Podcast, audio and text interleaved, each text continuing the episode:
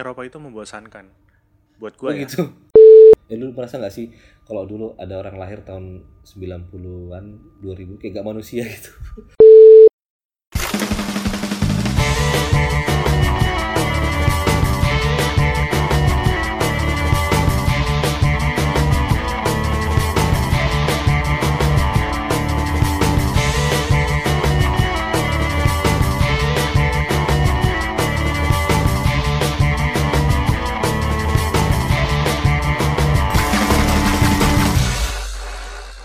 Hai, halo.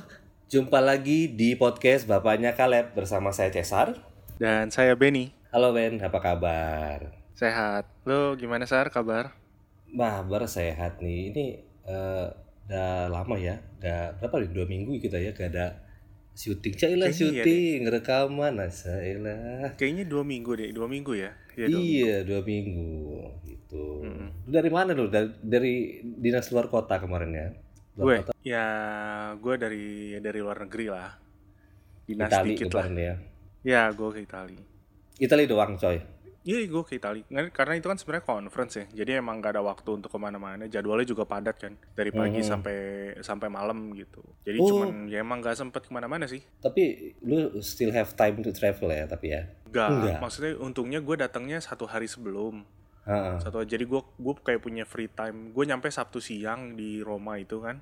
Hmm. Terus acaranya mulai minggu sorry acaranya mulai minggu sore jadi gue punya waktu Oh, satu oh. harian lah cuman gak terlalu gak terlalu banyak gitu. jalan-jalan sih cuman karena hari pertama gue nyampe ngeliat-liat bentar terus Ya. ya jet lag ya jet lag Hmm. long flight juga kan hampir 18 jaman jadi ya lebih banyak ke istirahat gitu aja sih Oh. dan lagi gue juga udah pernah sih Pernah jet lag maksudnya? di iya nggak maksudnya karena gue udah pernah gitu ya kan gue gua sama temen gue temen gue kan belum pernah dan dia juga Oh. bukan tipe yang explore gitu loh sar tau nggak cuman eh Ya, oh, ini ke mana nih gitu gue ajakin aja kita ke sini ha, ke Colosseum ngeliat-liat Hmm. foto-foto-foto ya udah gitu nah kalau gue kan sendiri udah pernah sampai masuk jadi gue nggak terlalu tertarik lagi sih untuk Sombong. Untuk- Boleh nih, Iya. sombong dikit Nggak, ya. men, tapi bener ya tapi maksud gue ini notes ya lo boleh catat direkam di sini buat gue Hah.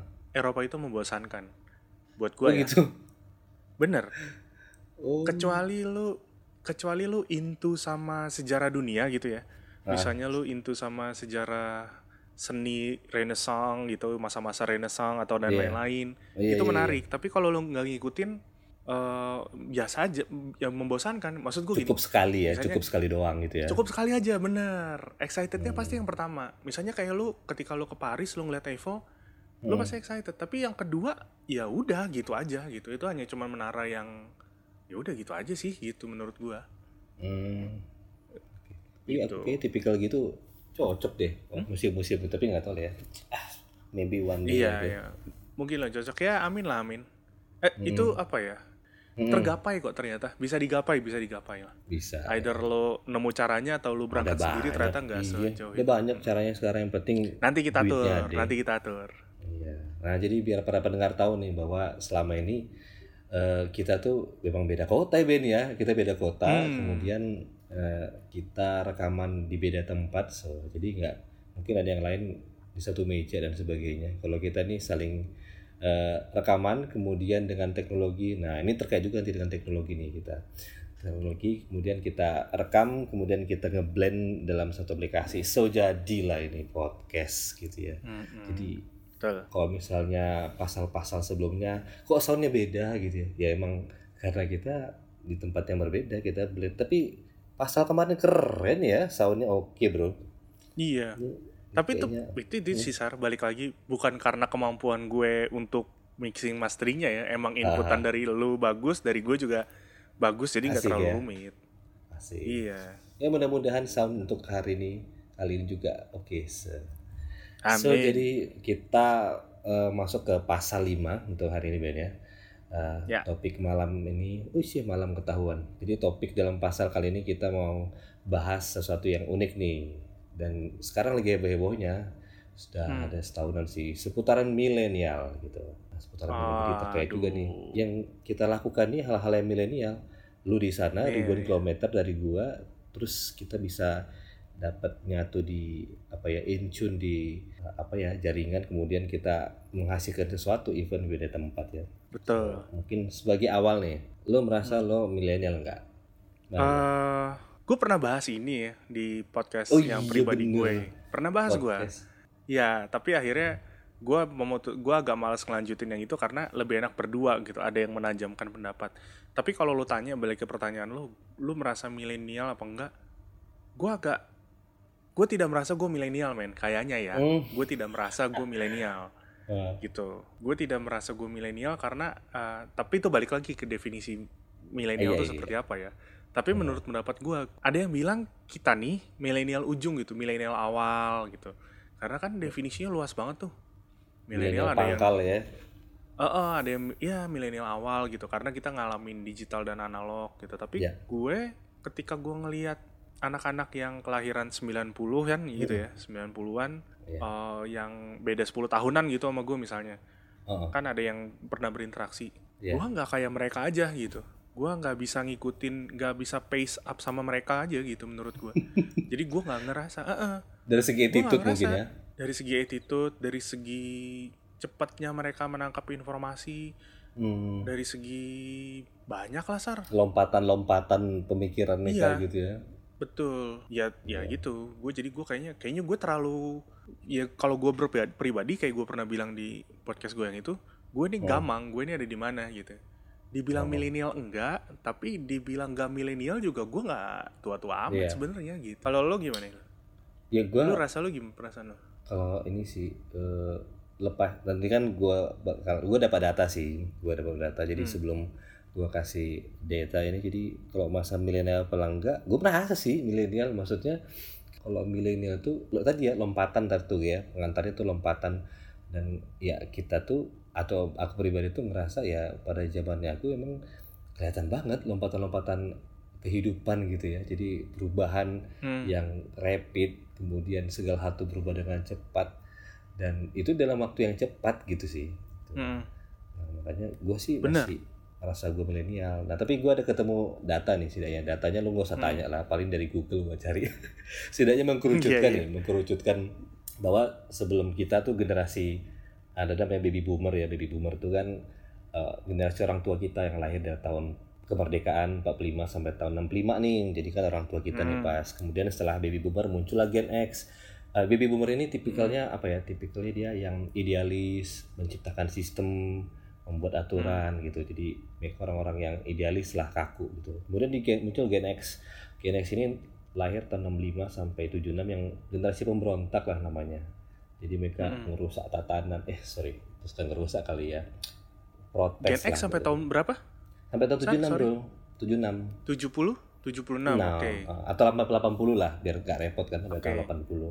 Kemudian muncullah kita generasi Y atau sekarang generasi Y ini dikatakan milenial dari tahun 80 sampai tahun 2000 gitu.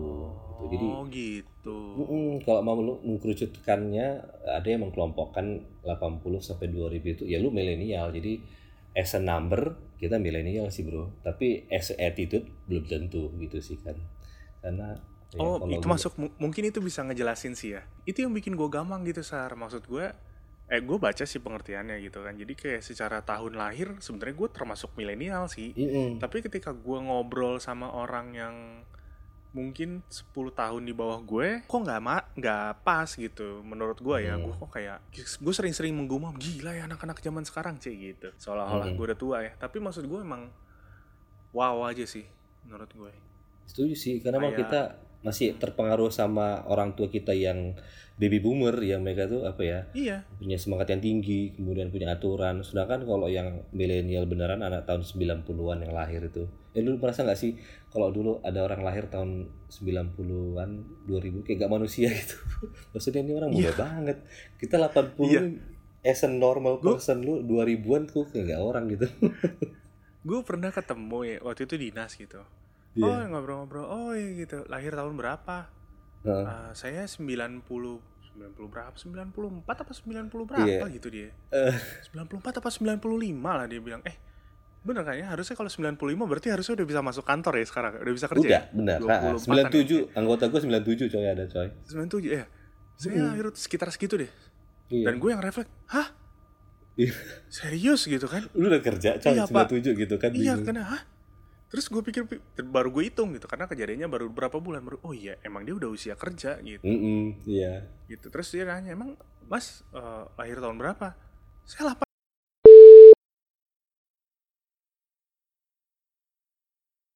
tahun di atas kamu gitu kan. Terus gue yang rasa damn I feel so old gitu kan. Jadi ya mereka jadi ketahuan ya. Ketahuan coy ketahuan. Iya nggak apa-apa lah nggak apa-apa dan memang di generasi yang itulah layar-layar tahun 90 ya aku harus bilang sih karena emang kecenderungannya gitu. Ya mereka orangnya yang males apa ya narsis nggak fokus mengerjakan satu bisa ganti ke yang lain. Negatifnya itu sih itu gitu nggak sih menurut lu? Terus mereka individualis gitu loh. Positifnya ya gue simbang kan gitu. Jadi positifnya mereka open mind sih. Kemudian apa ya mereka tuh memperjuangkan hak-hak mereka dengan semangat gitu kemudian open mind. Ekspresif nah ekspresif tuh sama ya fleksibel. Dia mereka selalu pengen hal-hal yang fleksibel. Misalnya kerjanya nggak diatur kerjanya nggak harus di satu tempat. Mereka pengen fleksibel gitu. Tapi ya fleksibel fleksibel ini kita juga berhadapan satu kantor dengan orang-orang baby boomer yang ya mereka harus disiplin nah itu terrepot yang tuh gitu gimana tadi Lo? Hmm, itu tapi dari ini ya, dari pengalaman lo langsung ya. Maksud gue Hmm, iya itu opini yang terbentuk dari itu tadi lu bilang lu per, lu punya eh, rekan yang kelahiran tahun 97 gitu dan dan Iya. lu mengambil kesimpulan dari. Nah, itu maksud gue kenapa posisi gue gue bilang balik lagi nih Sarah, kenapa gue tidak bisa mengasosiasikan diri gue sebagai milenial karena Hmm. itu yang gue lihat juga gitu. Gue setuju sama lo sifat-sifat itu gitu. Karena ketika gue kuliah, gue ketemu satu orang juga Hmm. dia tuh kuliah sambil kerja gue bilang "Ta- tapi dia attending attending the class gitu kan terus lo kapan Hmm. kerjanya iya pak saya ini saya ini kerja gitu saya kerja di Amerika kerja di Amerika buset. lo bayangin ya maksud gue dua dua tiga tahun lalu bahkan gue nggak kepikiran gimana caranya akhirnya dia ngasih tahu gue nih ada situs kayak begini pak saya freelance Oh. gini gini yang meng-hire saya ini begini begini begini wow gila. terus saya lihat lu Keren, kan? lu dapat berapa? Keren. Lu dapat berapa? Dikasih lihat ini pak saya udah tak saya udah nabung segini ya sekian ratus dolar gitu. Anjir. sampai beneran serius. Bener besar dan dia juga orangnya pinter sih ya. Jadi dia bisa ngambil berbagai macam kerjaan freelancer. Jadi situsnya itu segampang kayak misalnya lu punya kemampuan apa nih? misalnya. Kalau dia banyak dia tuh nulis paper coding terus Oh. apa lagi ya. Dia ada beberapa lah. Dia ngasih tahu iya pak begini begini begini gitu kan Hmm. sampai di satu titik dia pikir gila gue udah kebanyakan nih nerima kerjaan freelance jadi gue Oh. apain ya dia supin aja ke teman-teman dia yang masih kuliah gitu jadi saya misalnya dia dapat 10 dolar gitu dalam satu Iya. project ya Iya. udah pak dia saya kasih 5 dolar saya Iya. dapat 5 dolar gitu kan dia dapat 5 dolar dari project saya saya dapat 5 Iya, dolar eh, ngapa-ngapain kerjaan enough tuh. gitu gue yang kaget wih gila dan dan gue gue memperhatikan orang itu sampai saat ini sampai gue gue jaga kontaknya maksud gue gue ngobrol sama dia kadang untuk untuk untuk menajamkan pandangan gue juga gitu. Misalnya Hmm. gue punya pendapat akan hal ini gitu terus gue biasa ngobrol, ngobrol sama dia. Anyway orangnya sekarang tinggal di Los Angeles. Anjir gimana caranya dia bisa amazed dia- coy. gimana caranya dia bisa di Los Angeles? Dia tinggal di Los Angeles itu adalah perusahaan yang pertama kali meng-hire dia di situs freelance itu. Oh. jadi mm, perusahaannya itu bilang gue suka sama kerja lo lo datang deh ke kantor gue oh nggak bisa pak. Saya begitu lulus saya ditunggu sama perusahaan Jepang. Saya harus ke Jepang oke Wow. lo kerja di Jepang satu tahun lo gue tungguin gitu Hmm. beneran dia kerja satu tahun ditungguin dia bilang oke saya mau ke Amerika dari Jepang tapi Amerika ngasih saya apa nih gitu asik ya udah Oh, beneran bener. dikasih begini-begini terus ya lo bayangin aja dia umur 26 tahun sekarang Hmm. dia sudah punya gelar master dia Hmm. sudah punya apartemen di salah satu daerah di Tangerang Selatan yang Prestis, cukup oh. wah full furnish dan gue tahu furniturnya beli di mana gitu toko yang Oke. paling terkenal banget di Tangerang lu pasti tahu pasti Ya, masuk TV ya yang murah apartemennya ya Hah? Hmm.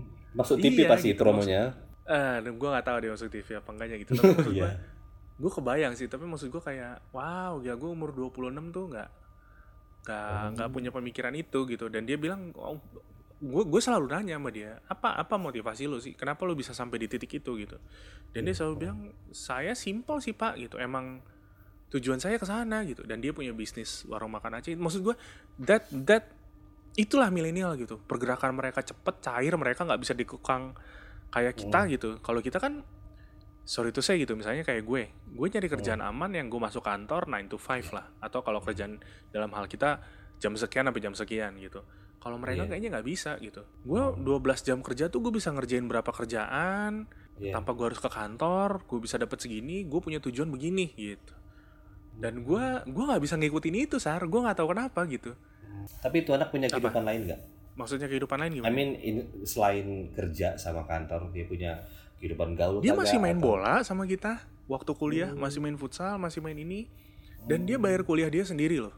Ah, S2 nya dia bayar sendiri ah, dengan cara kerja itu dia bilang. Karena ya orang tua saya emang udah nggak nggak biayain lagi pak. Saya harus cari biaya saya sendiri gitu. Itu keren Iya. sih menurut gue. Itu contoh bagusnya ya. Maksud gue gue ketemu makanya gue selalu gue selalu menjaga hubungan sama dia lah sekali-kali kalau masih masih suka gue tegur-tegur gitu. Cuman biar gue Iya, pengen lihat pergerakan anak zaman sekarang benchmark gue dia lah gitu. Balik lagi koridornya. Jadi kita mungkin geser lagi ke itu loh ya. What millennials brings gitu ya. Jadi apa sih yang eh, generasi ini bawa gitu dan emang jawaban untuk ini sebenarnya banyak banget, luas banget gitu ya. Tapi gue coba ambil ke topik-topik kecil kali ya. Pertama mungkin yaitu perubahan cepat kali Ben ya, perubahan cepat dan masif gitu. Lu ingat nggak kalau misalnya dulu eh, kita seneng banget kalau ke department store kayak ke Matahari, ke mana lagi ya, Mm-mm. eh, Giant dan sekarang kita dengar Matahari tutup, Giant tutup, Jaya tutup Mm-mm. kemudian digantikan oleh apa ya online store, kemudian IG market store shop gitu, ya marketplace Mm, banyak aplikasi dan ada industri musik sih juga salah satu kena yang dampak besar gitu Bu ya. Maksudnya Hmm. dulu kita masih ngerasain lu CD dulu ada beli nggak sih dulu? Ada lah ya, ya CD juga masih ada sekarang ya. beli Maksud gua sih kaset. kalau kaset gue gitu. beli asli Hmm, dulu kebanggaan banget kan, gue nabung dulu waktu SMP sampai nabung itu nggak jajan demi beli kaset coy, iya asik. Hmm. Kasetnya kaset-kaset Indonesia kayak Dewa, uh, Iya. 911, Jaile 911, Westlife, gitu. 911 Gua sih gila, jadul banget. sendiri. makanya toko kaset pada tutup juga kan Iya, sekarang mana ada kaset lagi ketemu di mana coba nggak ada kan, jadi tapi kayaknya Sampai- tren lagi balik deh sar apa tuh? Balik lagi ke vinyl kan vinyl tuh kayaknya Vinyl, berapa tahun oke. terakhir lagi lagi Vintage mulai sih. mau iya mau ini lagi beberapa tahun terakhir ini Hmm, hmm, hmm. gitu Iya tapi memang ya tapi memang itu terkena dampak lah Udah dampak. Dulu apa sih namanya BASF ya, BASF yang Iya, iya. penjual kaset yang ya siapa sangka gitu dia bisa tumpur secepatnya gitu. Kemudian industri fotografi, kalau lu ingat dulu apa ya eh, film manual itu Kodak, siapa sangka dia kena dampak. Waduh, sekarang dia cuma jualan apa sih Kodak tuh ya? Bisa dibilang Nggak tahu cuma jualan film, Film-film gitu ya? Mm-mm. Mm-mm. Film kemudian transportasi gitu. Aduh masih banyak lah kalau transportasi dulu taksi eh, manual kemudian gojek naik ojek aduh gue stres banget kemudian eh, gue ada baca juga untuk industri hotel sih Ben industri hotel gitu jadi hotel sekarang kena dampak banget dengan Airbnb lu pernah pakai Airbnb ya sama ya pakai sering sering waktu gua kuliah itu gue sering gue selalu pakai Airbnb sih Mm-mm, mm-mm. Iya, jadi ini perubahannya banyak banget, banyak, cepat, Apa? masif gitu ya, sehingga Itu bisa dibilang saat- milenial ini meng- membunuh lah ya, membunuh bisnis bisnis raksasa sebelumnya. Dia ada Hmm. Hotel Hilton, kemudian Bluebird mungkin, tapi Bluebird bisa bertahan ya. Jadi kalau dari lu, lu ngeliat fenomena ini gimana sih? Setuju gak sih atau ada tambahan Hmm. gitu? Parah fenomena apa ya kan ini ada lagi terkenal nih Sar ya maksudnya ada term yang lagi lagi apa lagi sering banget disebut pertama milenial itu sangat Hmm. disebut bahkan di pilpres kemarin kan banyak Iya. banget disebut sampai bosen ya Iya. terus kedua masalah disruptive era gitu era gangguan Ya, ya semua gitu. hmm, semua bisnis itu sedang mengalami gangguan yang lo sebutin itulah Iya. kayak bisnis retail gitu tadinya bentuknya toko terganggu sama yang marketplace Online. Mm-mm. terus kendaraan Hmm. yang tadinya konservatif yang itu terganggu sama yang sekarang online kan semua kendaraan. Online semua. Begitupun begitupun hotel gitu. Jadi itu ada ada istilahnya sih. Tapi gue waktu gue kuliah Hmm. ada satu kalimat yang gue inget banget sampai sekarang ya gitu dan gue akan ingat gitu sampai ke depan lah. Karena ini kalau kita mau kaitkan dengan eh, tema besar podcast kita ya tentang jadi seorang bapak. Dosen gue pernah bilang gini dia pernah diundang rapat sama kementerian Backcraft tuh di bawah apa sih? Pariwisata ya? Pokoknya Iya. industri kreatif dan lain-lain gitu akhirnya mereka di di di grup discussion itu menyimpulkan bahwa masih ada 4 ribuan lagi profesi yang belum terdefinisi di tahun Hmm. 2017 loh itu pembicaraannya Maksudnya Kan kalau apa dipik- tuh, profesi gimana? misalnya gini eh kita kerja udah berapa tahun ya Sar? ya? 10 lah ya 10 lah. Nah, itu kan ya. 10 oke 10 tahun lalu kita tahu nggak ada profesi Instagramer Gak ada. apa? Selebgram. Atau youtuber content misalnya. creator content creator gitu Hmm. misalnya ya kan? Atau macem-macem lah. Macem barista lah. gitu. Dan bahasanya itu keren-keren. Hmm. Mm, nah itu yang dimaksud dosen gue tadi. Hmm. jadi dari 2017 sampai ke depan itu masih ada 4000 4 ribuan profesi yang belum bisa terdefinisikan dengan baik gitu Mhm. itu b- mungkin ada kaitannya dengan disruptive era itu ya misalnya Iya, iya. gitu kita kan nggak pernah tahu penetrasi internet segini kenceng jadi orang dari YouTube bisa punya duit miliaran gitu sampai di YouTube Betul. kerjaannya mamerin harta doang kan beli mobil Betul. sekian miliar lah gitu gitu It nggak penting juga Hmm. it happen gitu tapi maksud gua ya itulah kita udah pernah bahas itu nah itu it- atau gini yang paling gampang dan yang masih relate ke kita misalnya Iya. silat itu ada dari kita kecil ya gasar silat nih ya kan tapi siapa sangka di tahun 2019 pesilat Indonesia bisa main di Hollywood Iya. Yayan Ruhian gitu misalnya atau Iko Uwais gitu Iya, iya. ya kan Go international in the name go internasional gitu ya kan bisa bisa nyampe ke titik itu gitu ya. Mhm. kita kan gak kepikiran ya 10 tahun lalu gitu Iya. bahwa lu jadi pesilat lu bisa bisa hidup dari pesilat gitu itu yang yang gua rasa itu yang yang harus kita siapin juga buat buat Generasi anak kita nih gitu Mm-mm, buat anak kita Kita nih bahwa bener apa ya? ya kan Dulu tuh cita-cita kita tuh dokter, eh, tentara, betul pilot. insinyur gitu Sekarang nengok tuh wawancara Pak Jokowi sana. Youtuber, Mm-mm.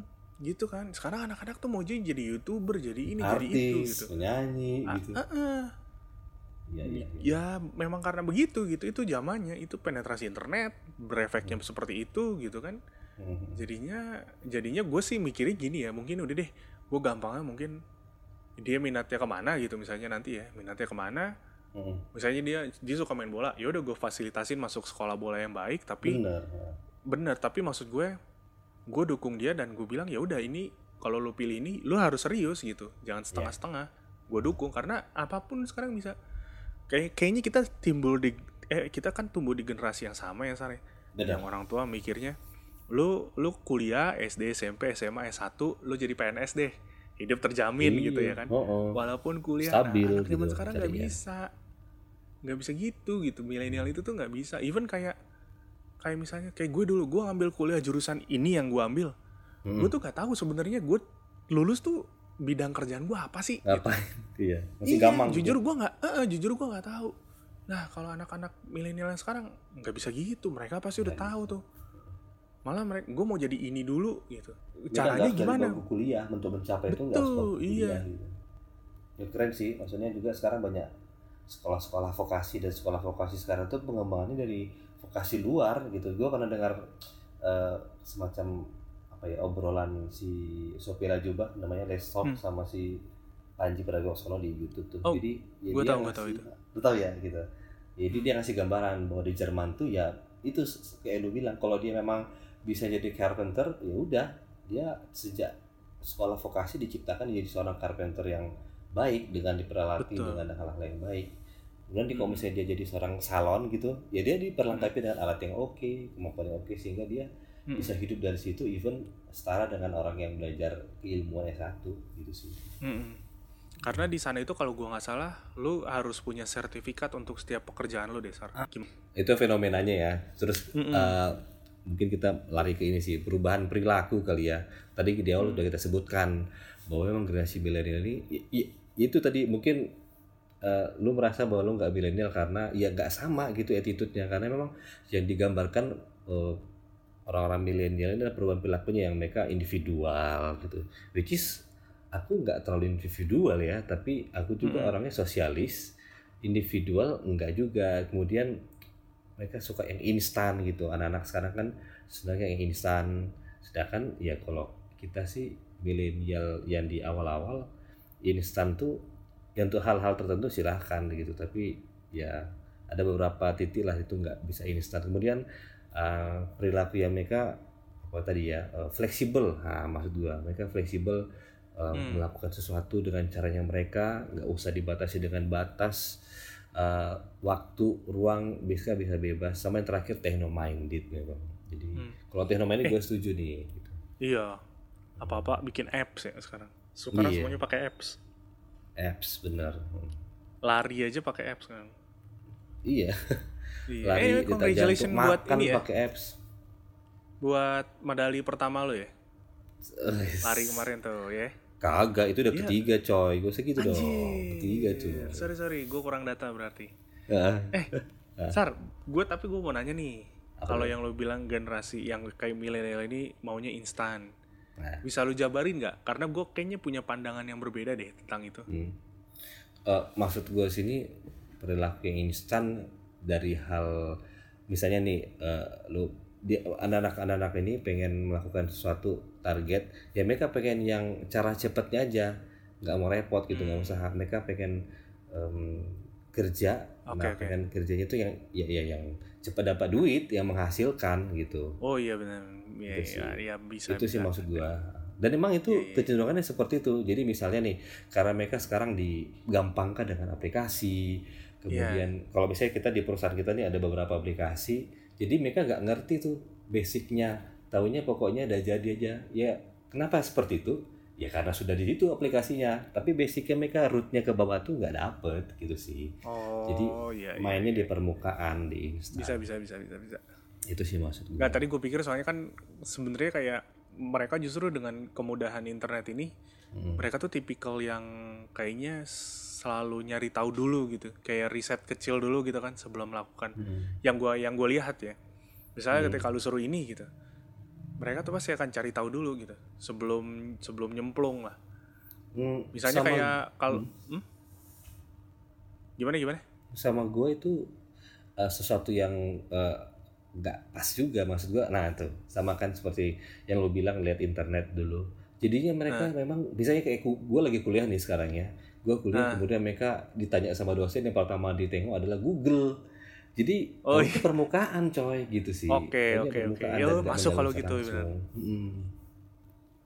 mereka nggak menelaah dari buku gitu misalnya nggak kayak Ah. kita gitu ya iya gitu sih Hmm. Kalau gue sih eh, niatnya dalam, nggak tahu ya. Sorry ya, gue bukan pamer-pamer nih. Maksudnya ya referensi gue ya jelas jurnal, buku itu bukan eh, Wikipedia gitu sih. hmm ya ya ya Tapi nggak semua mungkin Berarti seperti itu. nggak semua ya nggak semua tapi gue jadi inget sih ade kebetulan kan saudara gue ada yang gue bisa kategorikan milenial lah Mm-mm. jadi waktu itu dia lagi pengen belajar investasi gitu Mm-mm. kebetulan salah satu saudara gue ada yang belajar investasi otodidak gitu jadi dia ini apa gimana caranya nabung saham gimana Ya. caranya milih saham tapi di kalau nggak salah di dunia saham itu ada yang namanya fundamental lah atau samta, atau gimana gitu.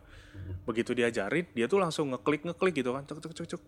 Kalau yang ini gimana yang ini gimana? Nah terus saudara gue sampai bilang gila lo ini kita baru ngobrol lu udah nanya ini itu itu tuh udah udah expert gitu. Terus Iya. dia bilang iya tapi gue mau belajar yang ini aja nih gitu. Sebenarnya gue gue sih nggak ngerti ya tapi gue gue agak gusar juga jadinya jadi sedikit gue bilangin lu tuh lagi diajarin basicnya gitu Mm-mm. lu akan sampai ke situ tapi mungkin basicnya dulu kuatin gitu Ini Benar juga proses gitu ya. Iya gitu nggak yang ya walaupun oke sih sekarang dunia ada di genggaman lo tapi bukan berarti lu bisa lu bisa memendekkan waktu lu jadi begitu gitu Mm. dalam dalam kaitan belajar saham itu ya Iya. gue gue sampai bilang ya walaupun lu walaupun lu bisa googling bisa ini tapi sampai ke titik yang lagi lu baca sekarang tuh bukan berarti ketika dikasih tahu sejam kemudian lu udah baca yang Mengerti, expertnya ya. gitu. Enggak ada yang ada yang basic yang harus lo pelajarin. Dia Itu mungkin terpaku sama buku-buku dengan judul 5 jam mengerti masalah saham se kan Bisa jadi juga. atau ketika dia buka, dia buka cari di internet deh, ini tuh apa sih maksudnya? Terus dari sini ngelink ke berita ini, ngelink ke berita ini, akhirnya sampai dia buka, oh ternyata ini intinya ya gitu sih. Hmm. Gitu. Itu sih kalau Ya. sama gua. Ya. Yang paling kental ini si individual sih menurut gua sih. Kental Hmm. banget mereka individualitas. Gitu. Tidak ada ramah tamah ngopi-ngopi lagi nih, apa gimana? Hmm, ramah tamah ngopi-ngopi enggak juga sih. Maksudnya kalau ngopi-ngopi malah mereka oke karena mereka tuh tipikalnya kok mereka ya kan mereka kan juga milenial ya. Kita tuh tipenya yang mencari pengalaman gitu. Jadi Ah, apa ya eh, kalau sekarang tuh mall-mall tuh penuhnya kafe karena yang dicari itu bukan belanja tapi eh, pengalaman menikmati itu nah sehingga kalau masalah kopi-kopi kagak sih enggak masih tetap karena mereka merasakan pengalaman itu Gitu. iya iya iya. itu sih lu Iya, punya demen traveling ya sekarang ya.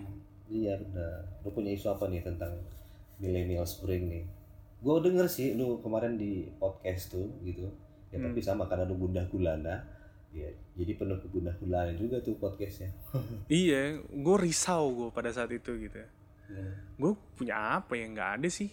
Eh, ada sih tapi mau gue lupa apa yang gue omongin gitu. Gue takut terdengar seperti orang tua yang itu grumpy old man lah, menggerutu gitu gara-gara ah nih millennial this, millennial that gitu. Hmm. Cuman mungkin gimana ya? Yang apa sih? Hmm, aduh, gue bingung sar. Tolong arahin gue deh, tolong arahin gue deh. Oh iya iya apa. Jadi emang kalau gue sih melihatnya karena milenial ini sih sekarang membawa the new normal sih gitu ya. Setuju nggak sih maksudnya?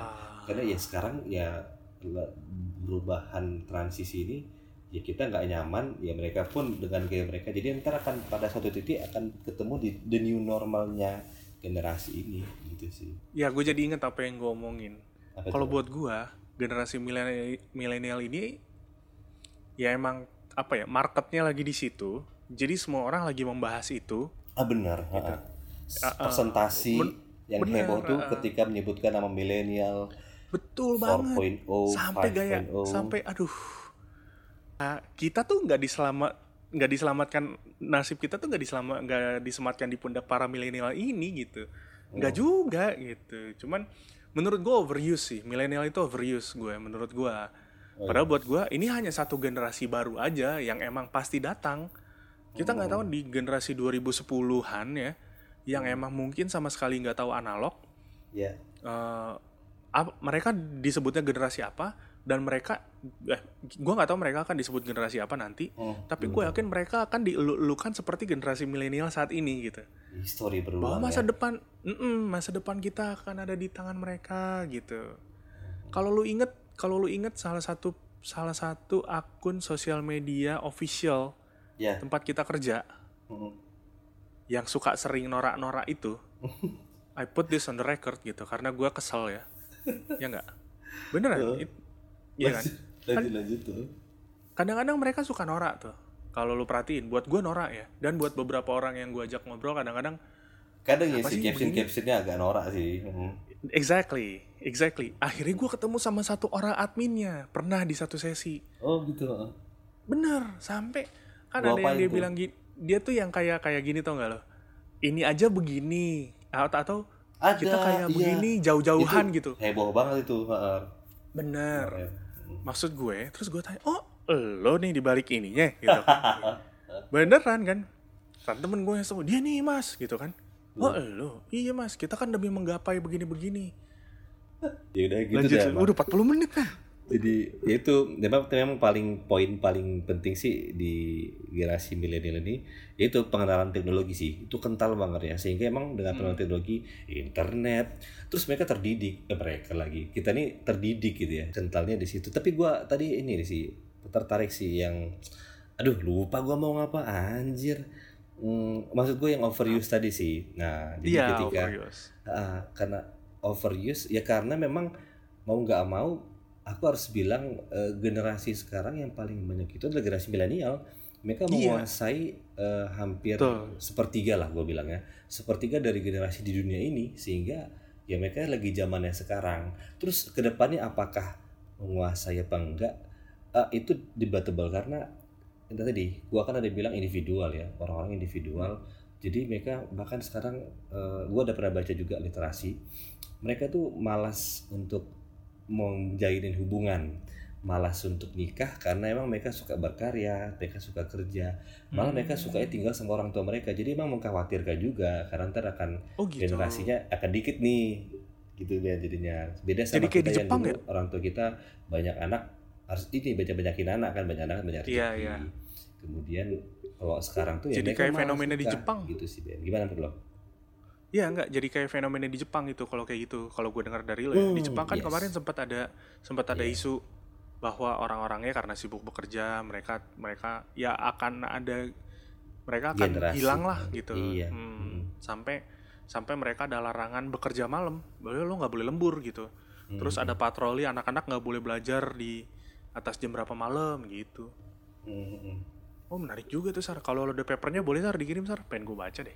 Iya iya ada sih. Ada, itu itu juga terangkan sama dosen gua gitu sih. Hmm. Bener juga ya maksudnya kalau misalnya nih orang pada malas nikah karena mereka individualis ya repot kan jadi ya generasinya bakal balik lagi karena kita kan generasi ini kayak bonus demografi nih bonus demografi Iya sekarang. demografi. Hmm, Demografi. banget kan Iya. nah kan generasi Gen X itu mereka kena sama kalau di Indonesia nih kena sama budaya yang KB loh Ya, dua ya, anak ya. cukup nah Dua jadi anak cukup. Generasi setelah kita akan diisi oleh anaknya mereka dan itu dikit kemudian generasi kita yang nanti akan dilahirkan dikit juga karena individualis Gitu Iya sih. iya ya benar-benar ya. S- keren banget sih pembahasan kali ini coy menandang Kita selalu depan, keren coy. pembahasannya. Tapi disclaimer ya, ini kan opini kita ya. Jadi kalau ada yang nggak pas ya nggak apa-apa dong. Semua Nggak orang kan apa-apa boleh dong. beropini, Iya. iya kan? Gue juga nggak kita bilang ini nggak bilang juga sebagai eh, referensi untuk kuliahan lo coy gitu coy buat Iya. tugas jurnal kagak ini kan cuma ngobrol nggak suka ya udah Iya. Mm-mm. Betul itu. gitu deh ada tambahan Uh, dari kerjaan gue Coy? berat nih, menyensor-nyensor omongan gue sendiri. gue juga kok gua- bisa bahas ginian ya coy Gue rasa cukup sih kalau dari gue. Sebenarnya banyak sih pembahasan ini. banyak sih Termasuk misalnya kayak alasan ya balik misalnya dikit ya disruptive era ini bikin gue nggak menunda gue beli mobil gitu contohnya karena Hmm, yaitu ada Gojek, ada Gokar, moda-moda Iya. transportasi online yang ngapain ya lebih mudah ha-ha, gitu. Nggak sebanding dengan biaya servis, kena macet di Hmm. jalan capeknya dan bla bla bla parkir gitu sih. lama cari parkir coy PR juga tuh di Jakarta. Iya, itulah. Tapi ya udahlah, udah 45 menit juga nih, Sip, iya. menarik. Tapi men, to be honest deh, maksud gue, Hmm. gue selalu menunggu-nunggu kita take podcast ini sih. asik Hmm. Serius, karena ya itulah di balik kerjaan yang agak rewel, maksud gue ini tuh menyenangkan lah. Iya. FYI coy jadi udah ada ini kawan juga Kita udah ada yang dengerin belum nih? Iya, maksudnya teman gua ada bilang "E, aku mau dong ikutan gitu. Mira, Mira coy. Goks. Mira pengen bareng. Aku ikutan dong sekali asik Iya iya iya iya iya. Iya. Tapi kalau bertiga susah loh sar ngeditnya. kayak kemarin ya, oh repot ya. Iya susah repot. Gua kalau mau paling Mira tag sama lo, tapi kan itu nggak mungkin juga ya. Eh, dia ada bersuami, eh, jangan itu dia makanya. kalau dulu ini sigar gak apa-apa coy. Itu dia kalau misalnya kalau tapi kalau mau dicoba nggak apa-apa. Tapi kalau kata Bobby kata teman gua waktu ngeditin yang kita bertiga itu rumit. Oh rumit ya. Ah. Oh, Tapi kalau dicoba nggak apa-apa. Menarik juga. boleh. Jadi Mira sabar ya Mir. Nanti kita tag tapi Sabar ya. kayaknya bisa Nah, tuh nanti meja. kita cari kita cari caranya deh. Mengingat Hmm, kamu juga baru kawin ya, Hmm. kita jangan mem- memberikan polemik-polemik tidak penting. Benar. Si Adi kemarin juga tata udah dengar. Gue udah dengar semua dan gue lihat kan, eh bener coy. Ini dua udah, udah dengar semua episode kita gitu. Nanti gabung sekali, sekali bro. Oke oke guys. Nah, gitu. Harus gitu. The power of social media. Iyo, eh, the power. Gitu. Jadi itulah ya kita yang kita bahas untuk kali ini di pasal 5 Iya. What Millennials Bring. Sebenarnya ini berasal dari ada artikel juga yang bilang millennial kills everything gitu ya. Tapi bahasanya tuh serem banget millennial kills everything. Hmm. Walaupun memang pada dasarnya ada hal-hal yang memang dibunuh oleh generasi milenial ini. Gitu. Jadi mudah-mudahan pasal kali ini eh, menjadi apa ya? Jadi hal yang berguna kali ya buat kalian-kalian yang mendengar. Kita senang berbagi. Thank you Ben sudah berbagi Ben. Sama-sama, Sar. Kita akan kulik lagi hal-hal lainnya. Kalau lo mau ada topik silahkan email. Emailnya apa ya bro ya? Podcast Dot. titik bapaknya Kaleb at gmail.com. Sampai sekarang Atau masih kalau nggak salah bisa ini deh. Bisa Apa tuh? ninggalin voice note gitu di Anchor, Oh tapi ya iya, lu mesti install Anchornya sih. Yaudah email lah yang lebih gampang. Iya, email lebih gampang. Nah, Hmm. untuk media sosial gue belum buat. Sorry, sorry. Ntar aja deh. Selama bisa lu pasarkan dengan baik, nggak apa-apa lah, Sar. Gue terima. Oke deh, itu Oke. this is the end of our podcast pasal 5 What Millennial Spring. Senang bisa berbagi. Udah kali Ben ya, kita pamit kali ya. Udah. Iya nih, Kalau- udah 47 menit ya. Oke, kalau Wih, gitu kita pamit brother, sister, semuanya para pendengar. Saya Cesar. Saya Benny. Kita pamit. Ciao. Bye.